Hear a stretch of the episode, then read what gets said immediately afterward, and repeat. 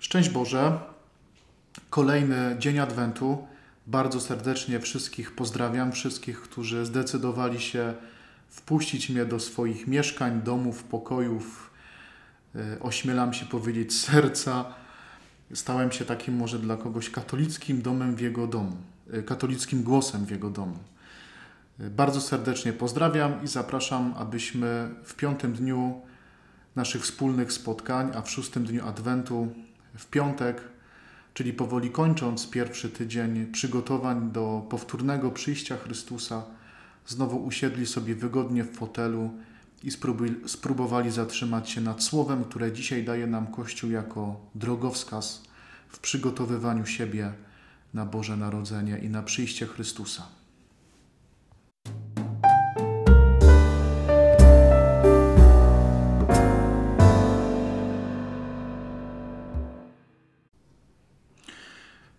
Dzisiejsza Ewangelia, dzisiejsze słowo z Ewangelii Świętego Mateusza to znowu jest słowo o Jezusie, który zatrzymuje się wobec ludzkiego cierpienia, który jest wrażliwy na ludzką biedę.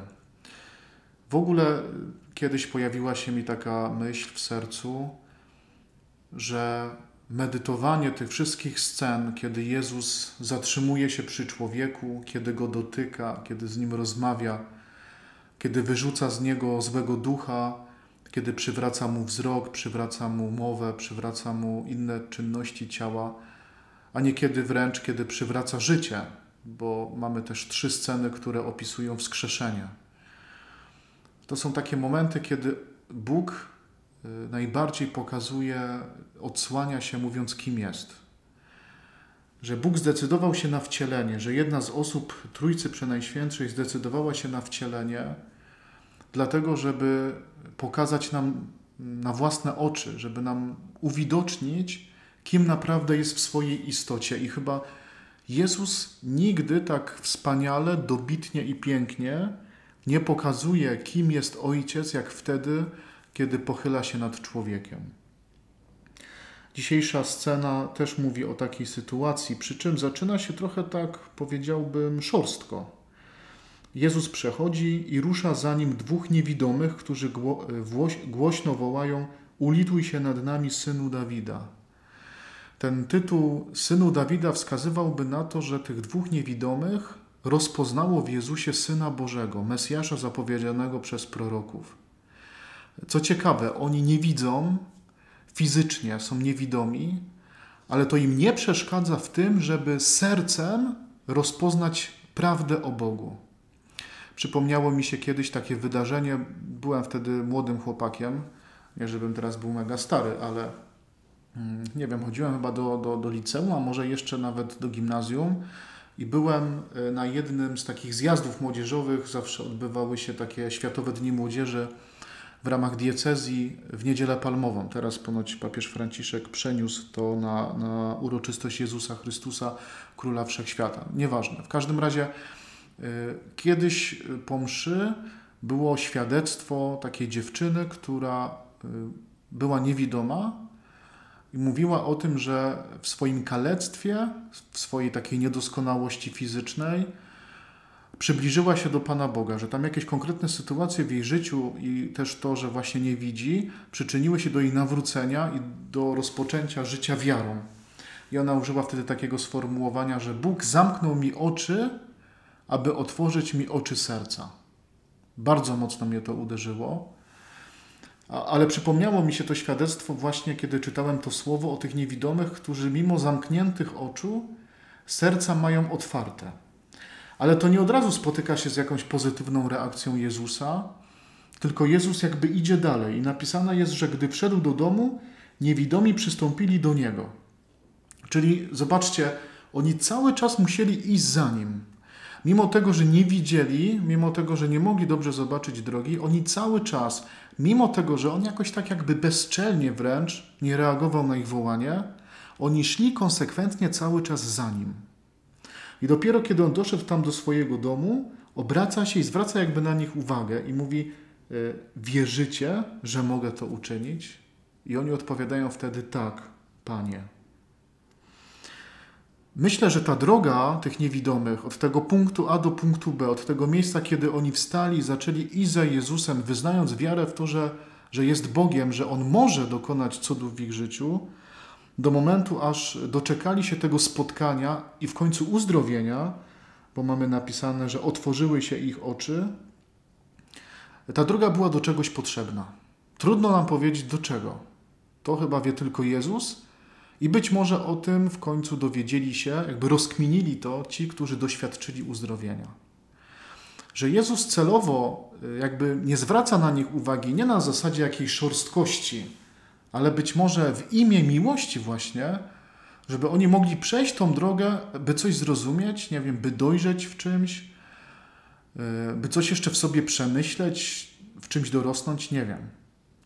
Na pewno taką drogą, którą my dzisiaj idziemy, jest Adwent. Zaczęliśmy w niedzielę, to jest nasz punkt A, punkt wyjścia.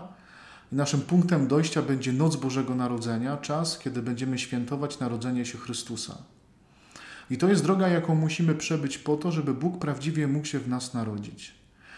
Oprócz tej drogi mamy też mnóstwo innych dróg, nie? że borykamy się z czymś, e, coś musimy nosić, czegoś nie potrafimy rozwiązać, z jakiegoś powodu cierpimy. I czasami potrzebujemy wielu, wielu, wielu dni, miesięcy, a nawet lat, żeby w końcu nasz krzyk, nasze wołanie do Jezusa spotkało się z Jego odpowiedzią. I myślę, że wszyscy z natury jesteśmy niecierpliwi, że nie chcemy czekać, że wydaje się nam, że Jezus powinien odpowiedzieć od razu, że nosimy w sobie taki obraz czasami Jezusa, takiej złotej rybki, nie? że że Bóg jest kimś, kto powinien spełniać moje pragnienia, moje życzenia i powinien to robić od razu. Czasami myślimy, że nasze życie duchowe powinno wyglądać tak jak, jak zamawianie czegoś w McDonaldzie, że w jednym okienku zamawiamy, w drugim płacimy, w trzecim odbieramy to wszystko dzieje się na przestrzeni kilku minut. Tymczasem Jezus czasami nas zaprasza do jakiejś wędrówki. I czasami w tej wędrówce nie daje się do końca rozpoznać, w sensie, że mamy takie wrażenie, że nas nie słyszy i tylko wytrwałość i to wołanie do Jezusa i przejście tej drogi może stać się dla nas gwarantem tego, że w końcu doświadczymy czegoś, czego nasze serce bardzo pragnie. I na końcu tej drogi może się okazać, że po tym wszystkim, co musieliśmy przejść, Jezus nas jeszcze zapyta, czy wierzysz w to? Czy wierzysz w to, że ja ci to mogę zrobić? Czasami serce chciałoby odpowiedzieć: Jezu, no przecież gdybym nie wierzył, to bym nie szedł tej drogi ale jakby Jezus chce mieć pewność, że, że serce jest gotowe, że serce jest w stanie przyjąć to, co On może dla niego zrobić. Że naprawdę chcemy, aby dokonało się w naszym życiu to, co On może zrobić. Bo czasami wygodniej jest zostać w swojej biedzie, do której się człowiek przyzwyczai i pomyśleć sobie, że jakoś damy radę. Jezus nie chce, żebyśmy jakoś dawali radę. Jezus chce, żebyśmy żyli pełnią życia.